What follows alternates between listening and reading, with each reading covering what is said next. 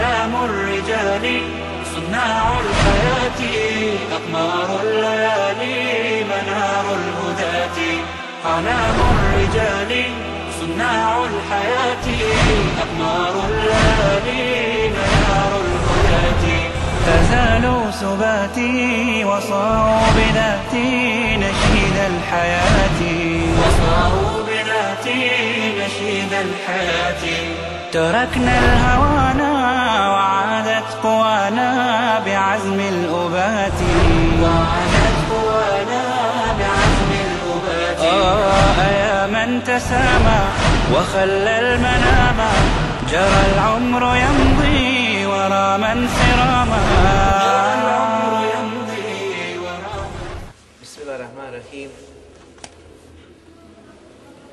إن الحمد لله نحمده ونستعينه ونستغفره ونعوذ بالله من شرور أنفسنا ومن سيئات أعمالنا.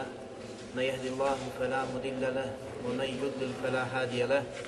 أشهد أن لا إله إلا الله وأشهد أن محمدا عبده ورسوله. وقال ربنا في كتابه الكريم بعد أعوذ بالله من الشيطان الرجيم. يا أيها الذين آمنوا اتقوا الله حق تقاته ولا تموتن إلا وأنتم مسلمون Zahvala pripada Allahu subhanahu wa ta'ala koga naš gospodar uputi na pravi put zaista je upućen a koga ostavi u zabudi neće mu naći nikoga ko će ga na pravi put uputiti. Svjedočim da nema drugog istinskog Boga osim Allaha subhanahu wa ta'ala i da je Muhammed alaihi salatu wa salam posljednji Allahov poslanik poslan sa istinom. Uzvišeni i plemeniti je kazao u svojoj plemenitoj knjizi o vjernici, bojte se Allaha istinskom bogobojaznošću i ne umirite nikako drugačiji osim kao muslimani. Zatim, assalamu alaikum wa rahmatullahi wa barakatuh. Hvala Allahu subhanahu wa ta'ala koji nas je poživio i sakupio na ovom barać mjestu da nastavimo govoriti o njegovim veličanstvenim i lijepim imenima kojima se on subhanahu wa ta'ala opisao u svojoj plemenitoj knjizi i sunetu poslanika Muhammeda sallallahu alihi wa sallam. Večeras, draga braće i cijene sestre, govorit ćemo jednom velikom Allahom te bareke ve ta'ala imenu, a to je ime Elikafi, Elikafi. U prijevodu značenja onaj koji je dovoljan svojim robovima u svim njihovim stvarima. Ovo ime, draga braćo, nije zabilježeno u onom poznatom rivajetu koje se danas kod nas koristi na ovim prostorima. Niti ćemo ga naći na levhama, da je napisano i zapisano. Također šeh Ibn Usaymin rahmetullah ali ne ubraja ovo ime u znači jedno od Allahovi lijepih imena. Međutim, Hafiz Ibn Hajar Askalani, zatim imam Bejheki, imam Asbahani, Ibn Qaim Kurtubi i mnogi drugi učenjaci smatraju da je El Kafi jedno od Allahovih lijepih imena. Oni koji ne vide da je jedno od Allahovih lijepih imena El Kafi, naravno da prihvataju osobinu koja sadrži ili koja proizilazi iz ovog imena, a da je Allah vala dovoljan svojim robovima. To se ne suprostavlja akide ehli sunneta. Tako da mi večeras ćemo govoriti o ovom velikom Allahom te bareke vetala imenu El Kafi, iz kojeg proizilaze mnoge mesele akajske ili mnoga šarijaska pitanja vezana za našu akidu, a jedna od najvećih akajskih mesela večeras koja proizilazi iz ovog Allahovog te bareke vetala imena jeste tevekul, oslonac, pouzdanje u Allaha te bareke wa ta'ala. Jer je on dovoljan svojim robovima, jedini koji ti može pomoći, jedini koji može od tebe ostraniti štetu, ne daću belaj i jedini koji je na strani, na strani vjernika. A na čijoj strani Allah dželevala takav zasigurno neće biti od onih koji su izgubljeni i koji će izgubiti ili dunjaluk ili ahiret. Jer Allah vala je obećao svojoj plemenitoj knjizi da će pomoći svoje iskrene, svoje iskrene robove. Nekada pobjeda i pomoć kada gledamo mi kao stvorenja izostaje, međutim i ako izostane u određenim trenucima, izostaje isključivo iz velike Allahove te bareke vetala mudrosti. On, subhanahu wa ta'ala, zna zašto, zašto nije došla pobjeda u onom trenutku kada mi priželjkujemo. Ali zasigurno, zasigurno će doći pobjeda za svakog vjernika, za svakog vjernika. Pobjeda od strane Allaha Đelevala koju daje vjernicima može se ogledati u tome da ahi budeš ustran Allahom te bareke vetala putu, da te osnažio, ojačao, pa makar, makar tri, ti prolazio na ovom dunjaličkom životu kroz teške faze života. Razumijete? Kroz oskudicu, kroz odbacivanje u društvu, kroz vrijeđanje, kroz e, e, izgon, proganjanje iz svog rodnog kraja i slično, zatvaranje, hapšenje i mučenje, sve to može, znači, u našim, našim gledanjem da budu teške stvari koje čovjek ne bi mogao poželiti da mu se desi, ali Allah dželevala može podariti tebi, ali u istim tim svim trenucima da to jača i osnaži, da budeš izdržljiv, ustrajan, Allahu te bareke tala rob i zahvalan na svim ezijetima, teškoćama i nedačama koje su te snašle i pogodile, a koje su došle od Allaha subhanahu, subhanahu wa ta'ala, jer vjerujemo čvrsto da sve što nas zadesi pogodi, da je isključivo Allahom te bareke ve ta'ala voljom i njegovim subhanahu wa ta'ala savršenim određenjem. U arabskom jeziku imamo glagol kefa, jekfi. Znači to je znači u jeziku biti dovoljno ili biti dovoljan. Kifa je nešto što je dovoljno. Zato imamo šta? Fardu. Kifa je poznato. Znači, e, kada jedna skupina ljudi obavi jedan određeni propis, pada obaveza sa, sa, drugih, sa drugih muslimana. Znači obaveza na jednom dijelu, na jednom dijelu muslimana. Ovo Allahova te bareke vetala veličanstveno ime spominje se samo na jednom mjestu u Kur'anu. Spominje se samo na jednom mjestu u Kur'anu, u sure Zumer, u 36. majetu, Allah dželevala, Allah dželevala kaže Elejsa Allahu bi kafin abde. Zar Allah dželevala nije dovoljan svome robu? Zar Allah dželevala nije dovoljan svome, svome robu? Naravno da je on subhanahu wa ta'ala dovoljan i zato se od nas traži da onaj koji spozna Allaha subhanahu wa ta'ala, da je on taj koji je dovoljan svojim robovima, da ga uzme kao vrhovnog poglavara sudiju svim svojim, svim svojim postupcima, a prije svega da mu se odazove i da bude pokoran u svemu onome što on subhanahu wa ta'ala traži traži od njega, jer ne priliči niti je neko mogućnosti, niti neko može biti u mogućnosti da posjedi ove osobine koje posjedi uzvišeni Allah Đalevala, a onaj koji posjedi ove savršene osobine kojima se opisao i ova savršena lijepa imena, ukazuje jednostavno da je on jedini Allah Đelevala koji je zaslužan da bude obožavan na način koji on subhanahu wa ta'ala propisao u svojoj plemenitoj knjizi i sunetu poslanika sallallahu alihi vseleme. Zatim, e, spominju se na, određ, na drugim mjestima također e,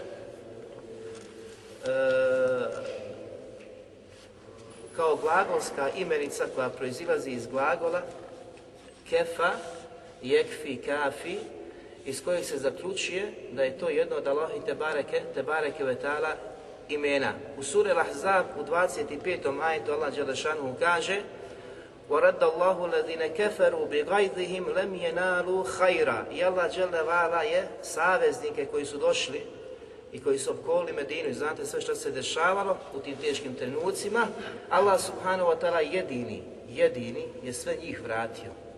Sve njihove spletke odbio odbio pa tako da su srditi, Allah dželevala i opisuje, srditi, okrenuli se i ostavili i Medinu, i poslanika, i ashabe, ashabe poslanika sallallahu alihi wasallam. Pa zatim kaže, Allah subhanahu wa ta'ala wa kafa Allahu al-mu'minina al-qital i Allah dželevala je sačuvao vjernike od borbe. Sačuvao, nije došao do konflikta, nije došao do borbe A Allah jedini snažni i moćni je sve one saveznike koji su došli u velikom broju i okupirali i pod opsadom učinili Medinu, sve njih je vratio bez znači borbe i uticaja poslanika alaih sallatu wasalam i ashaba. Jedan jedini uzvišeni gospodar subhanahu wa ta'ala okreće situaciju, znači kako je bila teška, mi smo govorili o ovom slučaju prijašnjim prethodnim predavanjima, da su ashabi svašta pomislili, oni koji su bili uz poslanika sallallahu alihi wasallam zbog teške situacije, ali Allah dželevala koji je snažni, el aziz, el qawi, moćni, u jednom djeliću, u jednom djeliću okreće situaciju.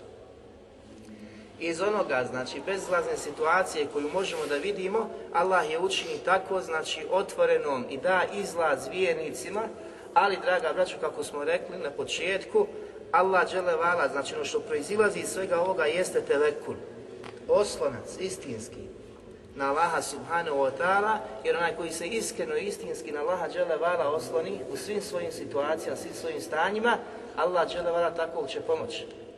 Poslanik i ashabi su bili od takvi, od takvi i oni koji su bili prije poslanika, ali islatu wasalam, od prijašnjih poslanika, također im je Allah dželevala spustio svoju pomoć, spustio svoju pomoć. Zatim Allah Đelešanu kaže u suri Bekare فَسَيَكْفِيكَهُمُ اللَّهِ I Allah Đelevala ti je dovoljan, dovoljan protiv svih njih. I Allah Đelešan ti je dovoljan protiv svih njih, pa nastavlja وَهُوَ السَّمِيُّ الْعَلِيمُ I on je taj koji sve čuje i sve vidi. Allah dželevala ti je dovoljan protiv svih njih, protiv svih tvojih neprijatelja, svi oni, znači Allah dželevala se obraća poslaniku alaih sallatu wasalam, ukazuje da mu je on subhanahu wa ta'ala jedini dovoljan protiv svih mušrika, protiv svih neprijatelja, protiv svih nevjernika, jer onaj koji se osloni na Allaha dželevala zna, je, zna i spoznao je moć i veličinu gospodara na kojeg se oslanja, pa tako da vjeruje da je njegov gospodar subhanahu wa ta'ala toliko moćan da može uništiti sve neprijatelje u jednom dijeliću. Allah to potvrđuje pa kaže on ti je dovoljan protiv svih njih, a on sve čuje i sve vidi. Čuje tvoj vapaj, čuje tvoju dovu kada ga dozivaš i vidi tvoje stanje u kakvom. Razumijete, onaj koji sve čuje i sve vidi, on se odaziva, on se odaziva svakom nevoljniku koji, koji dozove Allaha subhanahu wa ta'ala. Zatim u suri Hijr, u 95. ajtu Allah Đelešan kaže Inna kefejnake mustehzi'in Mi smo ti dovoljni protiv svakog onoga koji se ismijava s tobom. Koji se ismijava s poslanikom sallahu alijih veseleme. I danas vidite koliko u svijetu se dešava da su sebi dozvolili i olahkim učinili da udaraju na ličnost i čast poslanika alijih salatu wasalam. A u stvari šta? Šta su učinili? Da li su umanjili njegovu vrijednost? Ne. Kada pogledamo i razmislimo koliko samo postoji u svijetu ljudi koji vole poslanika alaih salatu wasalam, koliko postoje ljudi koji cijene poslanika alaih salatu wasalam, koji ga poštuju, koji ga spominju, koliko je oni koji donose salavat na poslanika alaih salatu wasalam svakodnevno, a koliko oni koji ga u petkom posebno spominju, koliko puta u našim namazima proučimo šehadet u kojem svjedočimo da je on, sallallahu alihi veselem, Allahu posljednji poslanik, koliko puta se ezan prouči u svijetu, zamislite, koliko ga je Allah dželevala uzdigao. I zamislite kada se neko nađe da kaže nešto protiv ove velike ličnosti, najodabranijeg stvorenja, najmilijeg stvorenja, Allahovog prijatelja, osobe koja je najvrednija i na Dunjalku i na Ahiretu, osobe koja će imati najveće počasti na Ahiretu, osobe koja će se zauzimati za sve, znači muslimane koji su imali, čiji su grijesi e, veći od njihovih hajrata i dobrih dijela. Znači svoje milosti i samnosti prema njima, poslanik alaih salatu wasalam će imati to posebno mjesto, počast, šefat, veliko zauzimanje i zalaganje za vjernike na sudnjem, na sudnjem danu. I ovo sve ukazuje koliki, kolika je ličnost poslanika sallallahu alihi wasallam. Znači ima kada se odnosi na Allaha te bareke wa ta'ala. Ez-Zađađi rahmetullah kaže Allah subhanahu wa ta'ala je dovoljan svojim robovima, jer se on brine o njima, obskrbljuje sve njih. čuva sve njih, pazi sve njih. I zatim kaže, on se brine o stanjima svih svojih stvorenja. I na kraju navodi kuranski ajet kao dokaz koji smo naveli sure Zumer 36. Elejsa Allahu bi kafin abde. Zar Allah vala nije dovoljan svome, svome robu? Znači on subhanahu wa ta'ala koji je dovoljan svojim robovima, o svima njima se on subhanahu wa ta'ala brine. A rizik koji ima šahi, bilo puno, bilo malo, od Allaha subhanahu wa ta'ala dolazi. Ne samo tebi, čovječanstvo, sva živa bića, sve što se nalazi na dunjalu, po svima njima se Allah subhanahu wa ta'ala subhanahu wa ta'ala brine. Sve njih hrani, sve njih napaja, sve njih čuva, a posebno, vidjet ćemo iz definicije sadija, prema kome znači iskazuje posebne stvari, ćemo poslije navesti. Sadi Rahmetullah Ali kaže, dovoljan je svim svojim stvorenjima, svim svojim robovima, u svim njihovim potrebama, a posebno se brine za one koji vjeruju u Allaha subhanahu wa ta'ala. Posebno se brine za one koji vjeruju u Allaha subhanahu wa ta'ala i koji se na njega oslanjaju. Pogledajte, znači, koji vjeruju u Allaha subhanahu wa ta'ala i koji se na njega oslanjaju. O njima posebno vodi računa Allah subhanahu, subhanahu wa ta'ala. Posebno se o njima brine. To su vjernici, to su, to su mumini, odnosno to smo svi mi, inšala, koji potpadamo pod ovu, pod ovu kategoriju. Zatim kaže, to su oni robovi koji se pouzdaju u njega u svim svojim, svim svojim stanjima i svim svojim situacijama. Bilo da se radi o vjerskim ili, znači, dunjaličkim potrebama. Allah dželevala se brine o te u vjerskom smislu. Kako? Duhovnom. Ojačavate, osnažujete, dajete iman, povećavate iman, e, nadahnete za činjenje dobrih dijela. To je briga velika. I najveća briga koju Allah Đelešanu iskazuje prema vjernicima, a to je u tom pogledu, jer dunjalka ima i nema. S dunjalkom nećeš u dženet, niti je dženeta, razumijete? Ali s vjerom ćeš ući u dženet ili ćeš zaobići dženet i ući u džehennem. Zato je to najveća blagodat Allaha subhanahu wa ta'ala, a On je taj koji hrani i naše duše i naša tijela. Naše duše imanom, bogobojaznošću, takvalukom, lijepom riječju, pokornošću Allahu te bareke, te bareke ve ta'ala i slično. Znači ovo je jedna od, od definicija koju je veliki učenjak Sadiš, u, u, učenik od šeha, od šeha ibn Usaymina, rahmetullahi alihi, alihi Imam Kurtubi navodi mišljenje, odnosno smatra da Allahovo te bareke vetala ime El Kafi može značiti El Hafid, čuvar. I to je također ime koje znači obuhvata Kafi, da je on taj koji čuva i pazi i štiti vjernike. Da je on zaštitnik vjernika. Razumijete? Da posebnu brigu vodi o vjernicima. Zatim Ibn Arabi El Maliki, rahmetullah ali, kaže može značiti Kaim. Može značiti El Kaim samoopstojeći a sve drugo egzistira njegovom voljom i njegovim, njegovom, njegovim određenjem. Znači sve što postoji, postoji što Allah vala brine se o takvima. Hrani, stvara, on daje život i on uzima, on uzima život. I to je jedno značenja koje može potpasti pod ime El Kafi. Šta su podovi spoznaje ovog veličanstvenog imena? Šta proizilazi ahi kada čuješ el kafi i zna značenje da je on dovoljan svojim stvorenjima, da on vodi brigu o svojim stvorenjima. Kada si čuo da je on subhanahu wa ta'ala ali kafi, da je dovoljan, onda su, e, ti kao stvorenje, kao Allahov rob, se oslanjaš na takvog gospodara Allaha subhanahu wa ta'ala u svim svojim stanjima, svim svojim situacijama, i to je jedan od ibadeta koji je jedan od najvećih vidova ibadeta, da se osloniš na Allaha subhanahu wa ta'ala u svim svojim stanjima, svim svojim situacijama, ne samo kada imaš, pa kažeš hvala Allah, Allah mi je dao, on, znači ja se njega oslanjam, njega volim, njega poštujem i cijenim, pa mi je on to subhanahu wa ta'ala podario. Ne ahi, ovo mora se ogleda u svim tvojim situacijama, i kad imaš i kad nemaš, kad su oskudice, kad te svi drugi napuste, kad si sam, kao pojedinac, jedinka, kad si odbačen, kad te vrijeđaju, nah i kada doživiš sve ove stvari na putu istine, da ostaviš istinu, da popustiš u slijeđenju istini, nego da budeš jači, da izađeš svega toga kao jači, svjesni, bolji znajući da Allah Đelešanu onoga koga zavoli stavlja na kušnju. Stavlja na kušnju. Allah Đelešanu koga stavi, o, zavoli stavi ga na kušnju. Da vidi, znači ponovo ispit, da li ćeš proći ili nećeš. Pa koliko je osoba koji su bili stabilni, čvrsti na Allahom te barek putu, nakon mali iskušenja, a nekada i veliki iskušenja, čovjek padne, ostavi i zaboravi Allaha subhanahu wa ta'ala i zaboravi obećanje koje je dao Allahu subhanahu wa ta'ala da će biti ustrajan, ustrajan njegov rob na pravom, na pravom putu sve dok ga smrt ne zadesi. Međutim, danas ga vidiš da je daleko od propisa i slijeđenja pravoga puta. Allah Đelešanu kaže u Kur'anu وَتَوَكَّلْ عَلَى الْحَيِّ الَّذِي لَا يَمُوتُ i ti se pouzdaj i ti se osloni na onoga koji je živi i vječni i koji ne umire.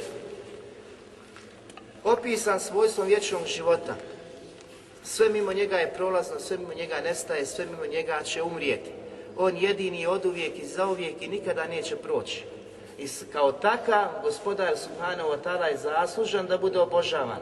Zaslužan da mu robuješ. Zaslužan da mu padaš na seždu zaslužan da mu zahvaljuješ na svim blagodatima koje uživaš. Sve što ti je podario, da na tome zahvaljuješ.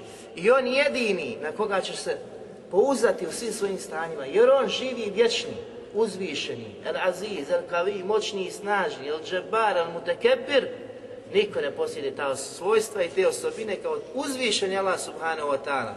I kada znaš, kada si svjestan svih tih osobina, svih tih lijepih imena, onda si ubijeđen da onaj u koga vjeruješ, na koga se oslanjaš je najmoćniji, najjači, najsnažniji. Kada bi se sad svijet okupio protiv tebe i tvoga gospodara, vidjet ćemo iz primjera da nisu u stanju bilo šta učiniti. Zatim Allah Đelešanu kaže وَمَنْ يَتَّقِ اللَّهَ يَجْعَلْ لَهُ مَحْرَجًا Ko se istinski bude bojao Allaha subhanahu wa ta'ala, on subhanahu wa ta'ala će mu podariti izlaz iz svake situacije. I ovdje je šart, uslov, ko se bude bojao Allaha Đelešanu onako kako on traži od njega, da će mu izlazi svih situacija. Nema situacija i u životu. Makoliko teška bila je velika i krupna, ako budeš istinski vjernik, a da te Allah Đelešanu neće da ti izlazi te situacije. Jer je obećao istinskom vjerniku, pravom teki, da će mu dati izlaz. Zatim kaže Allah Đelešanuhu وَمَنْ يَتَوَكَّلْ عَلَى اللَّهِ فَهُوَ حَسْبُ a ona ko, koji se pouzda i osloni na Allah Đelevala, on mu jedini dovoljan. Niko pored njega mu više ne treba. Razumijete? Ne treba ti brat, ne treba ti babo, ne treba ti prijatelji, ne treba ti komšije. Razumijete? Raja, niko. Jedini Allah Đelešanuhu koji je i tebi dovoljan i svima njima. I ne postoji neko ko ti može pomoći ako on subhanahu wa ta'ala odluči suprotno. Razumijete? I zato se puzdaješ u onoga u čijoj su ruci sve odluke. Sve su odluke u ruci Allaha te bareke ve ta'ala. I zato od njega tražiš, ne od ljudi i ostvarenja. Allah Đelešanu kaže nakon toga وَمَنْ يَتَّقِ اللَّهَ يَجْعَ لَهُ مِنْ أَمْرِهِ يُسْرًا a, ona, a onaj koji se bude Allaha bojao istinskom bogobojaznošću, Dać, olakšat će mu sve stvari, sve poslove, sve situacije, gdje god, što god da radi šahi, on će to olakšati. Što znači da nije ispravno shvatanje današnji ljudi koji kažu, a vjera, ahi, pa to su obaveze. Traži se od tebe to, to, to, to, to. Ne možemo sve stići i klanjati, i postiti i raditi. Nije ahi. Onaj koji baš je suprotno. Ako se budeš odazvao Allahovim naredbama i propisima, Allah će te olakšati sve tvoje poslove, sve tvoje situacije, sva tvoja stanja. Šta god da čini šahi, problemi, nedaće, iskušenja, sve ćeš i prevazići, bez problema. Jer onaj koji ti olakšava je uzvišeni Allah, gospodar svih situacija, gospodar svih stvorenja, gospodar svega. Razumijete? I zamislite kada se osoba istinskim, svjesno, sa znanjem, osloni i pouzda u takvog gospodara. I onaj koji samo puko izgovara, moj gospodar je Allah, on će me pomoći, on će me osnažiti, on će mi dati izlaz. I onaj koji je svjestan da je uistinu njegov gospodar uzvišeni, plemeniti, najjači, najsnažniji Allah te bareke, te bareke vetala, ubijeđen. Ubijeđen. I zato jedne prilike Ibn Taymiye Rahmetullah Aleyka statari osvojili osvojili e, Egipat i okolna, okolne države i mjesta, Pa su krenuli prema Šamu, on je bio u Šamu, kad je sakupio vojsku, znači skraćena priča, nama je samo pojenta da kažemo, kad, su se, kad se sakupila muslimanska vojska i okupila, kaže on sutra ako sutra pobjeđujemo. Sutra pobjeđujemo, kažu mu, šeh reci inšala. Sutra pobjeđujemo. Pa šeh reci inšala, sutra pobjeđujemo. Tri puta. Kaže, sutra pobjeđujemo, bez da kaže inšala. Zašto? Zato što je Allah obećao da će pomoći vjernike. I da će pomoći izaslanike i vjerovjesnike. I one koji se bore na njegovom putu. I on je bio ubijeđen u to ahim. I sutra kad je stupila borba, muslimani su izašli kao pobjednici. Kao pobjednici. Allah je ti sreće na početku rekao kako? Već postoje sve pitanje, kako je tebi to govori, a Allah je on hoće dati, ako neće, neće dati, razumijete? Zato što već u tvom srcu nije, nije ulio se jekin u Allaha subhanahu wa ta'ala kao kod tih istaknutih ličnosti Islama i muslimana, kao što ćemo vidjeti, slučaj Musa, slučaj poslanika, slučaj Abu Bekra i ostali, ostali asaba poslanika sallallahu alihi wa sallam. Kaže poslanik alaih sallatu wasalam, ko se posvijeti Allahu subhanahu, subhanahu wa ta'ala, Allah će mu pružiti punu potrebu i obskrbit će ga odakle se ne nada. Ko se posvijeti Allahom, ko se pozabavi, da kažemo tako, Allahom, vjerom i propisima dina, Allah će mu olakšati sva- sve njegove situacije, sva njegova stanja i da, dat će mu obskrbu, rizk, odakle se, odakle se ne nada.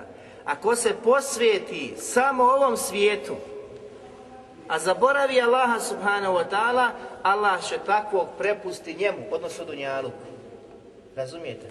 Pa ćete vidjeti ljude trče i dan i noć da zarade, da steknu i metak, a onaj metak samo bježi. Razumijete? Samo bježi. Zato što Allah Đelešanu će učiniti fakr, siromaštvo u njegovim očima. Koliko god da ima, nikad neće, nikad neće biti zadovoljan. I tako će ih preseliti, trčeći za dunjalukom, a nikad neće sakupiti ono što namjerava, što namjerava da sakupi. Od Abdullaha ibn Abbasa radi anhu se prenosi da je bio jedne prilike iza poslanika sallallahu alihi wasallame na jahalici, pa mu je poslanik alihi sallatu wasallam kazao ja gulam, o dječače, i ovo je jedan od velikih hadisa poslanika alihi sallatu wasallam. Inni muallimuke kelimat, u ovom rivajetu je tako došlo, ja ću te podučiti riječima, velikim riječima. Pa zatim kaže poslanik sallallahu alihi wasallame Ihfadi Allahe jahfazuk Čuvaj Allaha dželle vala, Allah će te čuvati. Čuvaj Allaha subhanahu wa ta'ala, Allah će te čuvati. Kako ćeš ti čuvati Allaha subhanahu wa ta'ala? Drži se Allahovih granica, propisa, izvršavaj hala, e, stvari koje su ti dozvoljene i kloni se stvari koje su ti zabranjene. Allah će biti na tvojoj strani. Allah će te čuvati. I to je obećanje koje nam prenosi poslanik alaih salatu wasalam.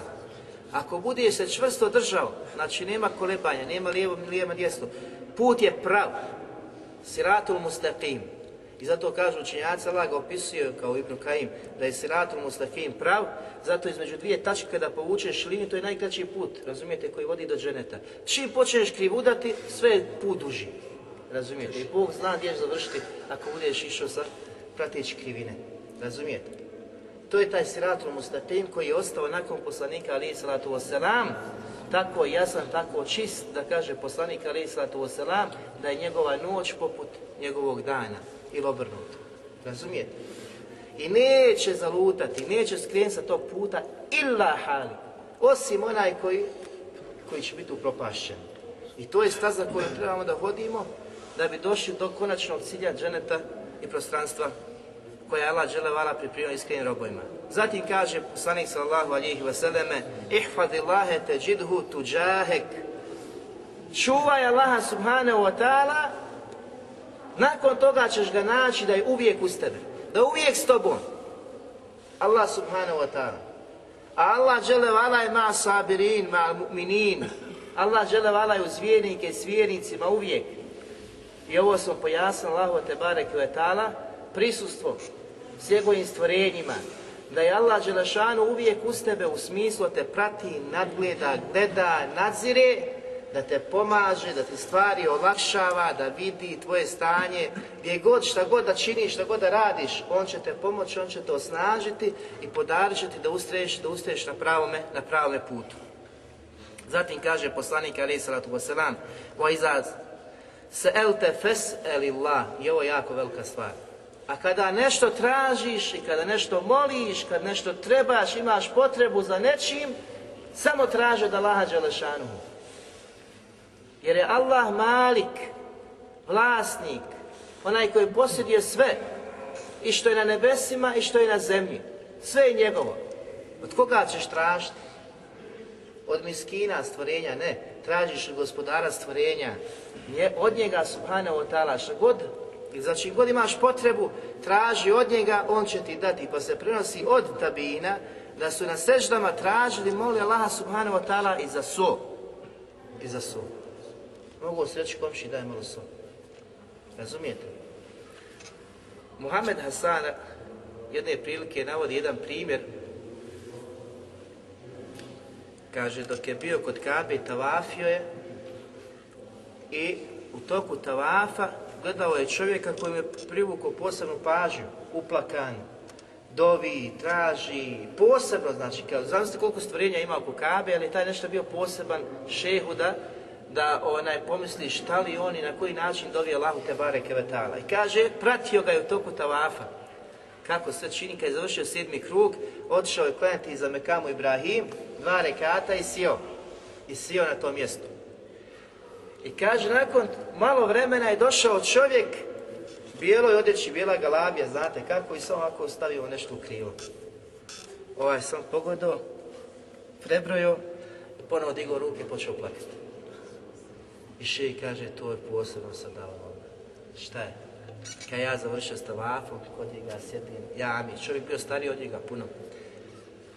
Amića, znaš, ovo, ono, htio, vidio sam sve to i volio bi da me obavijestiš o svom stanju. Kaže on, nema govora, takvi. To je između mene i mog gospodara. Molim te, kaže, htio sam samo da je mogao prinositi drugima jer sam pomislio da neki veliki hajt. A še ima običaj, znači da uvijek kada priča priče, prinosi događaje, da je to u osnovi ono što je on čuo lično od čovjeka. Znači nema neko da je čuo od njega da priča od trećeg lica, nego direktno. I uvijek, znači, tako i spominje takve stvari lijepe, znači, na predavanjima. Ulijeva, znači, jekin, u Allaha te bareke vetala, kroz te primjere. I kada je počeo sam, kaže, sa mnogim drugim načinima da mu dođem, kada mi date informacije, odlučio i kaže da mi da. Šta je problem? Kaže, problem je bio da mu je zafalilo toliko i toliko para. I nije htio da ide kod prijatelja, komšija, rodbine traži pare nego otišao kod gospodara ljudi i gospodara ove kuće da zamoli isključivo za te pare. I došao je na tavaf i kaj moj cilj je bio jedina dova u tavafu, Bože dragi, podari mi toliko i toliko koliko mi je potrebno za moje potrebe. I završio je tavaf, sjeo, kaže, ostalo ti je poznato. Najviše je čovjek koji nikad u životu nisam sreo i vidio, ostavio mi kesu, kad sam otvorio, prebrojio, kaj tačno onoliko koliko sam tražio, koliko sam dobio. Allah E, to su ljudi, vjernici, mutekije, bogobojazni. Razumijete, a mi danas sa vrlo malo imana pomislimo smo posebni i očekujemo čuda i keramete. Razumijete? Pa kad izostanu ta čuda i kerameti, kažemo, Bože dragi, šta je ovo? Pa tražiš onda klan, mi klanjamo, mi robimo. Ahi, to su deređan između nas i ovih poput ovoga i mnoštvo drugih primjera koji šeh navodi svojim svojim predavanjima. Zatim kaže poslanik alaih salatu wasalam وَإِذَا اسْتَعَنْتَ فَاسْتَعِنْ بِاللَّهِ A kada se oslanjaš, isključivo se oslanjaj samo na Allaha subhanahu wa ta'ala. Ovamo, znači prije toga kada tražiš nešto, traži samo od Allaha, a kada se oslanjaš i prepuštaš svoje stvari, svoja stanja, prepusti ih samo Allahu subhanahu wa ta'ala i on je taj koji brine o tebi i koji će te sigurno snažiti, jačati i podariti ti izlaz.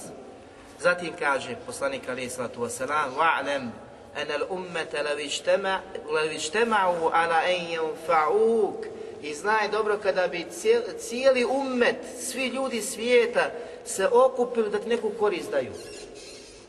Sad zamisli cijeli svijet se okupi da ti da nešto što ti je potrebno. Pogledajte što je poslanik alaih sallatu wasalam, Lem yanfa'uke illa bi shay'in katabahu Allahu lek.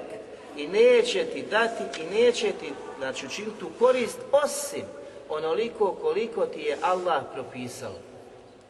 Tebi treba sto maraka. Cijeli svijet, sva stvorenja, kada bi se okupila ti daju sto maraka. Neće ti dati, osim onoliko koliko ti je Allah propisao. Ovo te podučava akidi da sve što se dešava i što ti može doći kao ulaz dolazi isključivo od Allaha te bareke, te bareke vetala. A sve što te je prošlo, prošlo te jer je On subhanahu wa ta'ala zapisao da to prođe.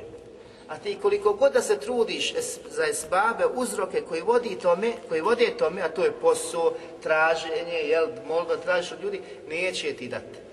I to je prava akida i vjera koju treba imati musliman kod sebe. Zatim kaže poslanik alaih salatu wasalam, وَلَوِجْ تَمَعُوا عَلَىٰ أَنْ يَدُرُّوكَ A kada bi se okupili, ovo je jako bitno za muslimane da shvate, kada bi se cijeli svijet okupio, da ti kakvu štetu učini, dobro pa što kaže poslanik sam, cijeli svijet, svi ljudi, sva stvorenja, da ti nanesu štetu, danas muslimani koliko žive u strahu, za svaku situaciju se poboje. Ne mahi, koliko god da se oni okupe, u borbi protiv muslimana i takozvanog terorizma, smatrajući muslimane koji se drže vjere su teroristi, koliko god se okupili da se bore protiv takvi, neće im štetu nanijeti osim onoliko koliko kaže poslanik sallallahu alihi wasallam lem jedur ruke illa bi še'in kad ketebehu Allahu lek au alik. Neće ti nanijeti štetu osim onoliko koliko ti je Allah propisao da te zadesi od te štete. Cijeli svijet, svi ljudi, sva stvorenja kada bi se okupila i sakupila, neće ti nanijeti štetu, osim onoliko koliko je Allah Đelešanu propisao. Što znači da šteta i korist dolaze od koga? Od Allaha te bareke ve ta'ala, a isto tako onaj koji otklanja štetu je Allah subhanahu, subhanahu wa ta'ala, nisu, znači ni u kojem slučaju stvorenja. Zatim kaže poslanik sallallahu alihi wasallam, rufijatil aklam, vođefeti suhuf. Pera su se podigla, a listovi su se osušili. Pera u smislu ono što je Allah dželevala naredio se zapiše, što znači da je naše stanje, sve što se dešava, davno predodređeno. Prije stvaranja i nebesa i zemlje, kao kaže poslanik sallallahu alijih veseleme, 50.000 godina. Sve je zapisano i listovi su osušili. Ono što je zapisano, tako će biti. Korist koja ćete pogoditi i potrebiti na dunjalku je zapisana davno. Također, znači, nedača i problemi koji će te pogađati, također su zapisani. E sad, koliko je šta propisano, ti ne znaš. I zato se to zove gaib, a ti radiš, e, pridržavajući se esbaba, niti znaš da li si od sretni i nesretni, da li si od upućeni i zalutali i da li si ostavnika dženeta i. Ne znaš ali na dunjalku se trudiš da imaš osobine onih koji su sretni, oni koji su upućeni i oni koji će nastaniti dženneska prostranstva. Razumijete? Tako da sahabi kada su čuli da je sve propisano, da je sve određeno, pa kao Allaho poslije čemu da poslije, šta da radimo? Ne trebamo djela činiti. Razumijete? Ne, vi radite, kaže poslanik sallahu alihi vseleme, a svakom od vas će biti olakšan ono za što je stvoren. Razumijete?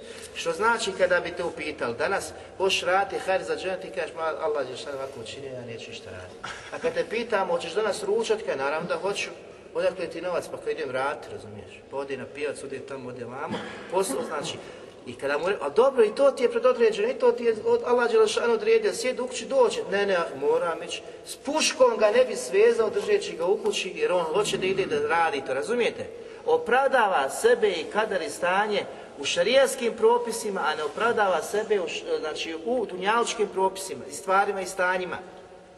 Znači moram, kad bi dijete znači, upitao, na primjer, za ispit, na kraju školske godine, ne ide u školu, hoš izaći na ispit, hoćeš položiti, šta će dijete kazati? Ne zna šta su učili, šta su radili, kako će položiti? Ali, ako bude išlo redovno, u školu svaki dan, na kraju će iznaći na taj ispit iz nade, iz ubjeđenja će položiti, razumijem, iako ne zna rezultat, iako ne zna rezultat, ali na kraju kada se znači, uloži svoj trud maksimalno, kroz školu, kroz učenje, kroz ponavljanje, izaće na ispit, odradi ispit i tamo učitelj, nastavnik, profesor da prolaznu ocjenu. Svatate? Tako i sa kaderom. Također, niko od nas ne zna zašto je stvoren. Ali je Allah dželevala podario tebi razum i pamet, ukazao ti na pravi put i na zabludu, a ti kao onaj koji je obdaren sa razumom, opet iz svoje neizmjerne milosti nije ti samo dao to da ti sam po svom nahođenju odrediš, nego ti je poslao iz neizmjerne milosti poslanika da ti još olakša. Pojednostavi taj put koji vodi Allahu te bareke, te bareke vetala da ukaže na stvari sa kojima je zadovoljan i na stvari sa kojima Allah subhanahu wa ta'ala nije, nije zadovoljan. I naravno, nakon ovih citata i hadisa poslanika alaihi salatu wasalam, Allah Đelešanu kaže, kako smo citirali kuranski ajet, Elejsa Allahu bi kafin abde. Zar Allah Đelevala nije dovoljan svome, svome robu. Ali nastavlja Allah Đelešanu pa kaže, وَيُحَوِّفُونَكَ بِالَّذِينَ مِنْ دُونِهِ Ali oni nastoje da te zastraše onima koji oni obožavaju pored Allaha te bareke ve ta'ala. Znači mušici i nevjernici što su činili za vrijeme poslanika alaih sallatu wasalam, također danas iste metode koriste neprijatelji islam protiv muslimana. Allah Đelešan na početku ukazuje da je on dovoljan svojim robovima. Osloni se na njega, puzdaj se u njega, on će ti biti dovoljan i on će te pomoći, osnažiti, da ti izlaz svih situacija. Ali nemoj zaboraviti da će uvijek nastojati oni koji ne vjeruju Allaha subhanahu wa ta'ala, koji se bore protiv Allaha i njegove vjere i poslanika sallallahu alihi vseleme, neće prestati dok javeskog dana da te zastrašuju sa svojim idolima, sa svojim bogovima, sa onima koji smatraju da su veliki, veliki, veliki kao što danas rade, po čitavom svijetu sa svjetskim policajcem. Razumijete? Allah Đelešanu kaže vjernicima i daje im do znanja koliko god da se pojave, ma kakve sile svijeta, da moraju da znaju da onaj koji će im pomoć, koji će ih osnažiti, koji će im dati izlaz iz svih situacija i on subhanahu, subhanahu wa ta'ala. Zatim kaže: "Wa yudlil Allahu a onaj koga Allah dželle ala ostavi u zabludi, nikada mu nikoga nećeš naći ko će ga na pravi put uputiti. Oni sa kojima te plaše, zastrašuju i kažu boj se, oni su bogovi, oni su vladari, bez njihovog znanja ne smiješ ništa uraditi. Moraš igrati samo kako oni kažu. Oni su u zabludi, a oni koji su u zabludi ne mogu biti na uputi osim ako Allah hoće. A koga Allah Đelešanu ostavi u zabludi, niko ih neće na pravi, na pravi put uputiti. Kaže poslanik alaih salatu wasalam, kad eflaha men hudije. Uspjeće svaki onaj koji bude upućen. Možemo kazati, sretan je svaki onaj koji bude upućen. Zato, ah, ima kakvo stanje tvoje bilo na Dunjaluku, poslanik ti nagovještava da je tvoja sreća i tvoj uspjeh u tvojoj vjeri, u tvojoj uputi. I samo takav insan će osjetiti sreću Dunjaluka, rahatluk, ljepote Dunjaluka u smislu života, jer su se velikani davno od nekada čudili ljudima koji žive Dunjaluk ili prožive Dunjaluka, nisu okusili nešto što je najljepše na njemu.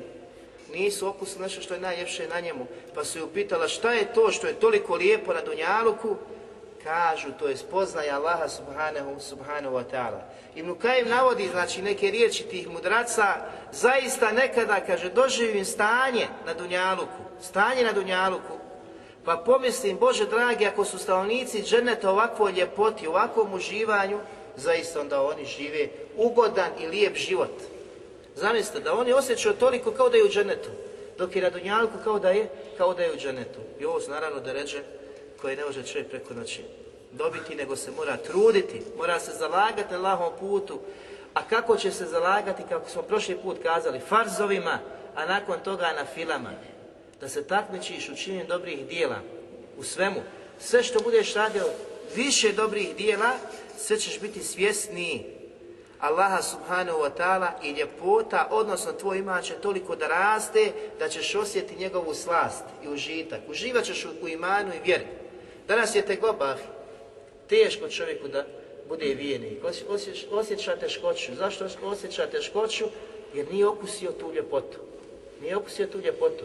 Onaj ko osjeti tu ljepotu, tu slast, uživanja, u vjeri, Allaha te bareke vetana, tu su stanja različita, Zato ćeš ga vidjeti da je uvijek sretan.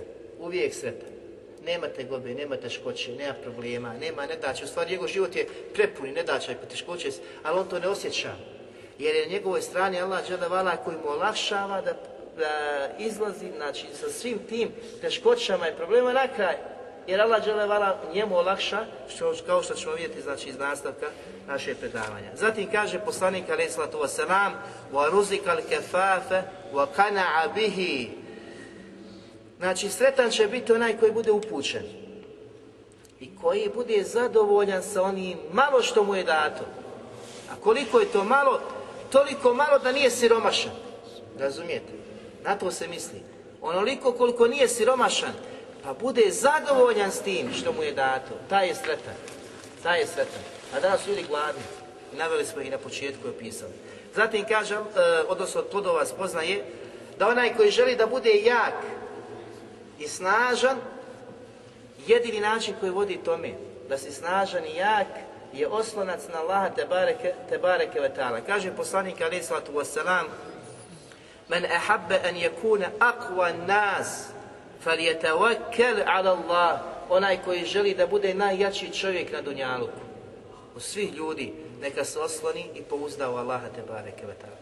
La haule, wa la kuvvete, illa billah Nema snage istinske moći osim osim onaj kome Allah Đelešanu dadne moć i snagu. Osim sa Allahovom moći. Znači nikada neš biti snažan, jak, osim ako te Allah Đelevala ne osnaži i ne učini, ne učini jakim. Zatim kaže poslanik alaih salatu wasalam وَمَنْ أَحَبَّ أَنْ يَكُونَ أَكْرَمَ نَاسِ فَلْيَتَّقِ اللَّهِ A onaj koji želi da bude najplemenitiji od ljudi, gdje je? Uputa. Neka bude bogobojazan. Neka bude bogobojazan. Znači iskrena, prava bogobojaznost, vrhunac toga da doživiš, bit ćeš od najplemenitijih stvorenja, najboljih stvorenja. Zatim kaže poslanik alaih sallatu wasalam وَمَنْ أَحَبَّ أَنْ يَكُونَ أَغْرَ النَّاسِ فَلْيَكُنْ بِمَا فِي يَدِ اللَّهِ أَوْسَكُ مِمَا فِي يَدِهِ A onaj koji želi da bude najbogatiji od ljudi, neka bude ubijeđen, neka bude ubijeđen sa sigurnošću da tvrdi da ono što Allah posjeduje je daleko bolje od onoga što on posjeduje. Taj će biti najbogatiji. Najbogatiji, razumijete? Riznica Allaha džele vala se ne probrojuje. Udjeljuje i dan i noć, ništa se ne umanjuje. I dan i noć. Allah džele neprestano udjeljuje kako je došlo u Sahih Buhari, a ništa od toga se ne udjeljuje. O, ništa od toga se ne umanjuje od riznica Allaha te bareke, te bareke ve ta'ala. Zatim imamo primjer pobožnog dječaka, kralja i sihribaza. Koliko nam je ostalo do jacije? Vi znate, znači ovaj hadis bilježi imam e, Muslim, ima Mahmed, imamo ga također u suri Boruđ, komentaru sure Boruđ koji ima tefsir, može se vratiti, pošto je podugačak hadis, mi ga nećemo znači, u cijelosti citirati, uzet ćemo samo neke detalje, pouke iz, iz hadisa. Znate da je taj dječak, da je poslanik Ali salatu wasalam, znači kazivao ashabima, e, ashabima svojim drugovima, to opisujući tog dječaka koji je živio u tom vremenu, u kojem je vladao vladar koji je bio nepravedan vladar, koji je imao svog sahira, sihribaza, vraćara, koji je zavodio ljude na stramputicu. Međutim, pred kraj samog svog života Sihribaz se požalio vladaru, govoreći mu daj mi nekog dječaka kojeg ću podučiti ovoj čaroli, sihru, da može znači nastaviti nakon moje smrti. Pa mu je vladar odredio tog dječaka. Međutim, dječak je živio malo dalje od Sahira i svaki dan dok je dolazio njemu morao je proći pored jednog mjesta gdje je živio pobožan čovjek. Bio svjestan vjeri Allaha te bareke te bareke ve. Pa bi znači nekad zalazio kod njega u pećinu, raspitivao se ko si, šta si i zadivio bi ga njegov govor. Pobožnjak kada mu se obraćao njemu se to svidjelo. Zamislite, tama, crnilo, kufr, nevjerstvo koji izbija kod koga?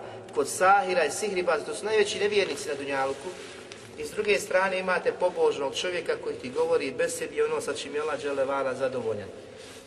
Naravno će ga to zadiviti. I uvijek bi se zadržavao, zatim odlazio, podučavao se i učio od ovog sahira, znači e, čarolije i vrađbine i tako dok jednog dana nije naišao, a na putu se zadesila, znači životinja koja je spriječila ljude da prolaze. I on je u tom trenutku vidio ljudi ne mogu proći, ali se sjetio da bi mogao, znači, da vidi ko je na istini. Da li je ovaj pobožnjak ili sahir, pa je uzeo kamenčić i kaže, Bože dragi, ako je onaj pobožnjak na istini, usmrti ovim kamenom, znači tu životinju. Da bude to znak, očit, nakon čega će onda povjeruje. I Allah Đelevala je dao, kada je bacio kamene, životinja pala, gotovo, halas, su nastavili put, on sretan, je znači nastavio odlaziti kod Sahira, kod e, pobožnjaka, ali također i kod Sahira. Učio je jedno i drugo. S tim da je obavijestio, obavijestio svog pobožnjaka da osjeća, znači to što osjeća da je na istini ispričao događaj koji se desio, pa mu je on kazao, slušaj, ti si daleko bolji od mene. Razumijete? Tebe će Allah iskušati. Pogledajte te rečenice, ti si daleko bolji od mene, tebe će Allah iskušati. Što znači? Što ti ima se bude povećavao, rastao, nailazit na poteškoće i iskušenja. Kao što su kazali poslaniku na početku njegovog poslanstva. Isto. Nije jedan se poslanik pojavio sa čim si se ti pojavio, znači sličnim slično tome, a da nije naišao na iskušenja kod svog naroda. Pa, znači, poslanik je šutio. A kad mu je rečeno da će biti protjeran, kad zar ću biti protjeran, to mu je teško palo od svega toga. Poteškoće, problema koje nisu, a mu je teško palo kad mu je rečeno da će biti protjeran iz svog rodnog kraja iz Meke. Kao što znači Sahir, odnosno pobožnjak, po, pojašnjava u ovom trenutku, znači mladiću, da će naići na teškoće, ali kaže kad budeš iskušavan, kad te budu primoravali, bit će kažnjavali, nemoj me spominjati. Nemoj me spominjati. Razumijem, znači opet dječak je bolji od njega. I dječak je naišao na iskušenja, na, na nepravdu. Kako? Jedne prilike, znači on toliko postao poznat da je liječio Allahovom voljom gubavce. Razumijete? Slijepce, svašta, Allah je dao znači čuda čuda, velika čuda, ali je uvijek govorio kao Isa wasalam, da to sve čini Allahovom voljom. Na ono, ono što mu je podareno i što mu je dat kao dar, da je to Allah Đelešanu podario. Jedne prilike, kralj je poznanik, veliki prijatelj koji je bio slijep, čuje za dječaka i dođe kod njega s kesom i baci slijep. Kaže, sve što je to kesi tvoja ako me izliječiš, ako mi vratiš vid. I dječak, kada moraš prvo kada je povjerovati. U što da vjerujem, kažu Allaha Đelešanu, od tvojeg gospodara, to ti je uslov da bi se vid vratio. Kažu, ja vjerujem, odmah je povjerovao. Vrati mu se vid. Vraća se ovaj prijatelj kod vladara sjeda tamo, znači nastavlja s njim sjediti, ali vladar vidi da on vidi. Kaj, ko ti je vratio vid? Otkud ti da vidiš jednom? Kaj moj gospodar. A, kaže, ja, jel? Ne, kaj nisi ti, nego kaj Allah koji je moj i tvoj. Zar ti imaš gospodara pored mene? Imam, kaže. Ko ti je gospodar? Nije htio da otkrije dječaka. Počeli su ga mučiti dok nije kazao ko, ko je znači ga podučio svemu tome. Dječak. Doveli su dječaka pa kaže i tebe ko je podučio, ko je tvoj gospodar, moj gospodar je Allah i tvoj gospodar on koji me podario da liječim je znači skraćeno, e, ukazuje na to. Pa su počeli da ih muče jednog i drugog. Dok nije rekao da ga je podučio, znači također ko? Onaj starac, pobožnjak pa su njega doveli. Pa su znači naredili da se odrekne svog uvjerenja i svog ubjeđenja. Međutim, nije htio da se odrekne. I to je znači ustrajan sa Allahom te bareke ve putu, makar došle te teške, znači teška iskušenja i nedaće, pa je naređeno bilo da mu se glava prepolovi, glava prepolovi. To su učinili. Pa su učinili sa ovim što je bio kralju blizak, po i njemu su ponudili, kraj mu je ponudio da se odrekne svog uvjerenja i vjerovanja u Allaha, odbio je, pa su njemu glavu napola presekli. Palo, znači dvije polovice su pale na pod. Zatim su dječaku se obratili da i on se odrekne, ali on nije htio. Pa je kraj naredio, pa je kraj naredio da ga uzmu, odvedu na vrh brda. Ali prije nego što ga bace, da ga upitaju da li će se odreći, ako se odrekne, vratite ga. Pa su ga odveli, kad je došao na vrh brda, Ponovo su ga upitali da se odrekne, međutim on nije htio da se odrekne. Nego kaže Allahumme ikfihim, ikfihim bima šit. I ovo je nama dokaz iz našeg večerašnjeg predavanja. gospodaru moj, sačuvaj me od njih onako kako ti budeš htio. Pa je Allah Đelešanu učinio se brdo zatrese i svi popadaju, osim njega su. Pogledaj tog ikide, tog ubeđenja Allaha te bara i kvetala. I šta je on potražio? U hadisu navodi da je namjerno tražio put koji će ga ponovo vratiti kralju. I vrati se kralju. I ponovo kralj učini, naredi, znači, kako, si došao, gdje su tvoji prijatelji, gdje su oni što su otišli s tobom? I on ispriča šta se desilo i kaže nakon toga da ga je kefanihimullah, kefanihimullah, Allah Đelešanuhu me sačuvao. Ovo je od kefa. Kefanihimullah, Allah Đelešanuhu me sačuvao njih. Allah Đelešanuhu me je sačuvao njih. Pogledajte. Pa kraj ponovo naređuje da ga uzmu na čamac, na brod, zatim da se udalje od obale i da ga baci. Da ga baci. Međutim, kada se udaljio, kada su ga htjeli baciti, on ponovo prouči dovu, da ga Allah Đelešanu zaštiti i spasi, tako da svi popadaju, svi nestanu osim, osim njega.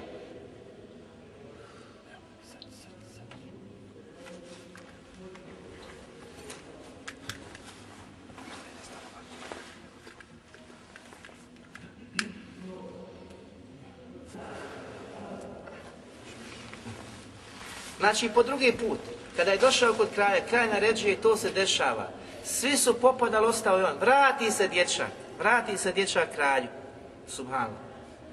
I kaže mu, znaš, šta god da pokušaš, šta god da uradiš, nikad me niješ moći usmrti, nikad niješ me moći ubiti, osim na jedan jedini način. Kaj, koji je to način? Da uzmiješ, kaže, luk i strijelu i da kažeš u ime dječakovog gospodara, u ime dječakovog gospodara, tek tada ćeš mu ubiti. Kaže on, naravno, kaže ima jedan uslov koji, da sakupiš masu svijeta, sve ljude na jednom mjestu, da me izvedeš, da me razapneš, a zatim da to uradiš. I kad drugačije me niješ ubiti, osim na taj način. I kraj pristani, sakupi sve ljude, i žene, i djecu, i starce, i mlade, znači sve kategorije ljudi na tom mjestu i uradi kako je dječak kazao. Strijela, luk, u ime dječakovog gospodara, u ime dječakovog gospodara i pusti. I kad ga je pogodio se pocu, dječak u isto vrijeme postao mrtav. Međutim, šta su ljudi, masa svijeta koja je gledala to sve i slušala o dječaku, prije svega znali su da liječi, da govori, da to radi, isključivo što Allah Đelešanu je dozvolio, što on to hoće, ne što on znači ima moć i posjeduje moć. Zatim čuli su da je pokušao da se ubije, znači na različite načine, na brdo, na moru, svugdje. Kad su čuli ove riječi, kazali su svi u jedan glas, mi vjerujemo u gospodara ovoga dječaka. Mi vjerujemo u gospodara ovoga dječaka. Oni koji su bili uz kralja, kad pogledaj šta se napravi. Svi su, kaže, povjerovali. Zatim je na red da se skopaju ogromne rupe. U Kur'an se spominje kao rovovi, u hadisu znači ogromne rupe. Da se naloži velika vatra i da svi oni koji su posvjedočili gospodara ovoga dječaka budu bačeni na to mjesto. U, kod imama Ahmeda u rivajetu stoji da su se ljudi utrkivali kako će uskočiti. Nešto su samo bili gurani na silu, nego su se utrkivali da su jedni preko drugih padali da bi upali, da bi upali u vatru na Allahovom te bareke letala putu. Pa na kraju hadisa stoji da je jedna majka kada je došla sa djetetom u naručju, sa bebom, i rečeno skoči, kao malo se pokolebalo.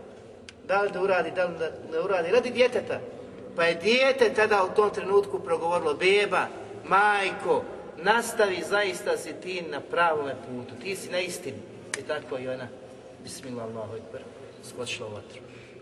I Allah Đelešanu opisuje ovo stanje u Kur'anu opisuje znači zulumčare i oni koji su se borili protiv muslimana i koji su kaznili na ovakav način ljude koji su vjerovali u Allaha te bareke vetala i kaže nisu ih kaznili osim što su vjerovali u, u Allaha te bareke vetala moćno.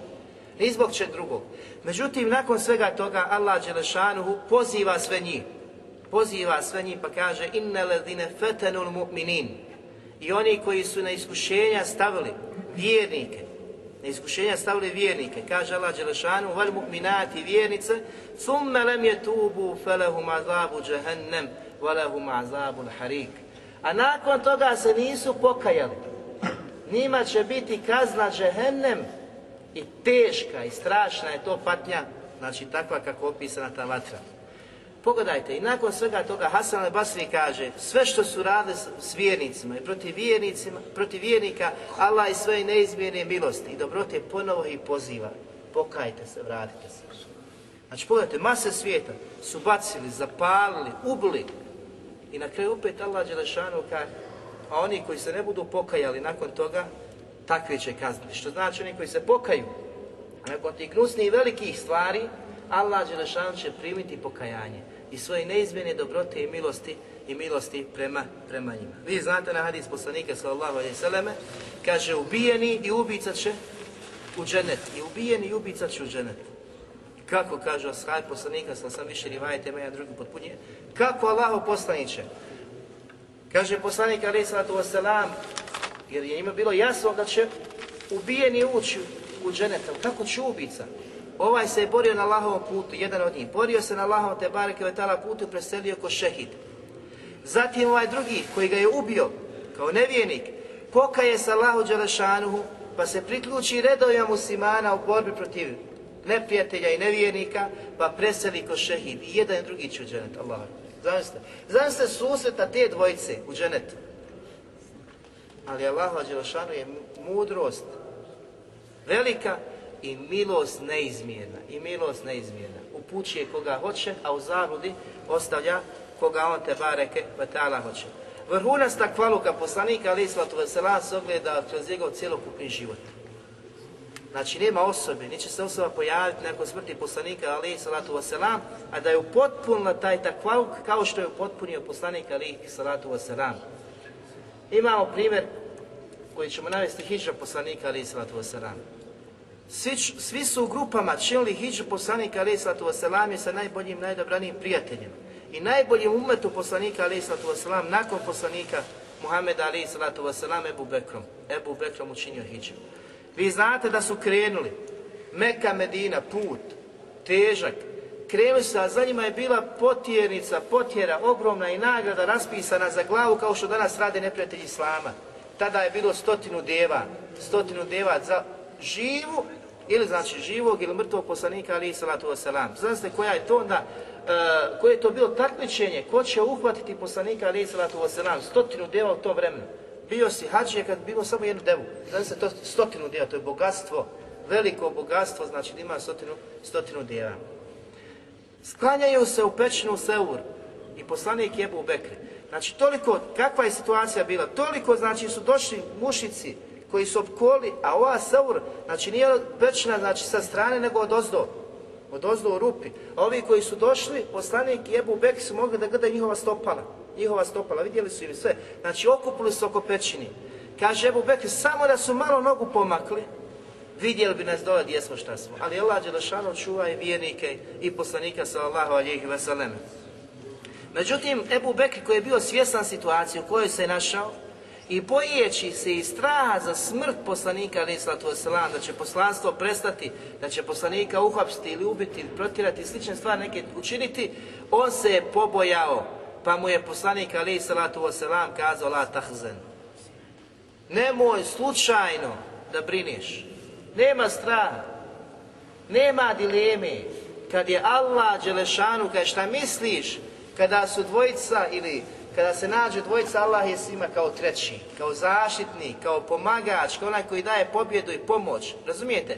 To je znači u tom trenutku poslanik izgovorio tako veliku rečenicu koja je ulila u srce Ebu Bekra toliki jekin da je halas zaboravio sve. Gdje se na ispred, ah, naoružan do zuba što se kaže.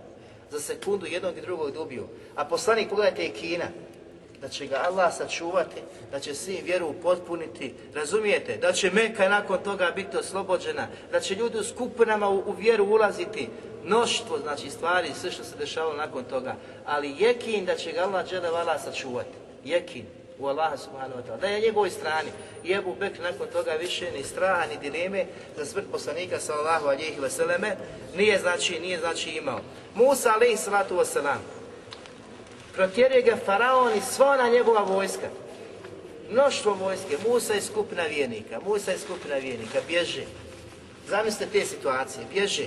I dolaze do obale mora, gotovo more ispred, neprijatelj iza, nemaš gdje više, gotovo. Znači, to je tako bezlazna situacija da u samo možeš pomisliti kako će te ubiti. Na koji način će se to desiti, da zamišljaš. Ali Allah Đelešan, gospodar svih situacija, okreće situaciju kako on hoće, određuje kako on hoće i ništa u svijetu se ne dešava osim što on subhanahu wa ta'ala hoće. Zamislite, u jednom trenutku, znači Allah što ono opisuje pa kaže Kala ashabu Musa inna le mudrakun. Ashabi, odnosno prijatelji Musa kažu mi gotovo, svi ćemo biti, znači, onaj, stići nas, pobići nas, uništit nas, nema više izlaza. Ali kaže Musa wasalam koji imao jekin, pouzdanje Allaha subhanahu wa ta'ala, istinski, potpuni tevekul, kaže Kale kella, nikada, ni u kom slučaju se to neće desiti. Zbog čega? Pa im pojašnjava. Inne me je rabbi se jehdin, uz mene sa mnom je moj gospodar koji će im put pokazati. I nakon toga dolazi ajet, udari Musa štapom, more se jel, na dva dijela dijeli, Musa bježi, prolazi, njegova skupina vjernika prolazi, zatim faraon i potop, halas. Pogledaj situacije, znači, za par trenutaka gotovo. Musa i vjernici se raduju, faraona više nema, mušrika nema, nema znači nevijenika, nema oholnika, nema sileđija, nema nikog ko je htio da ubije Musa i njegove, i njegove sebenike. Tako, draga braćo, da vidimo da su, da su prelijepi primjeri iz Kur'ana i suneta poslanika, ali sallatu wasalam, na onaj koji se osloni na Allaha subhanahu wa ta'ala, da je on tako dovoljan i da ćemo uvijek dati izlaz iz svih situacija, ma kakve one znači teške, teške bile.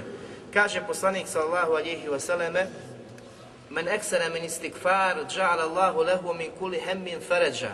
Onaj koji bude mnogo činio istikfar, koji mnogo bude govorio astagfirullah, tražim oprosta i kajem se Allahu dželle ala, Allah Đelešanu će mu dati izlaz iz svih situacija.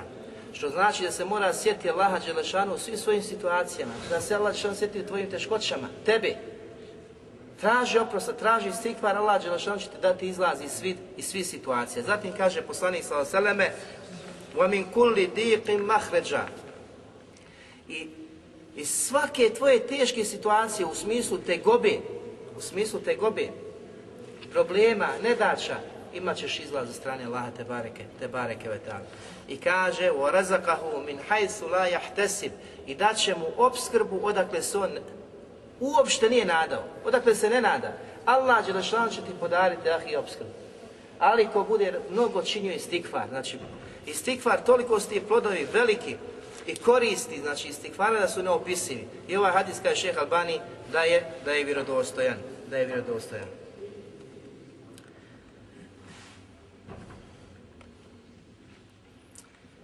Sa ovim ćemo završiti. Molim Allah te bareke ve ta'ala da oprosti meni i vama i svim muslimanima, da nas učesti na pravom putu, da nas učini do onih koji se istinski ostavljaju na Allah subhanahu wa ta'ala u svim svojim situacijama, da oprosti meni, mojim roditeljima, vama, vašim roditeljima, svim muslimanima, da uputi naše zalutale, da ujedini naše safove na istini, da pomogne muslimane u cijelome svijetu, a posebno muslimane, muslimane u Siriji i na svim mjestima gdje zulumčari vode rat protiv, protiv muslimana. Subhanik Allahu hamdika, šarna la ilaha ila enta, stavak wa wa jazakum Allah khair.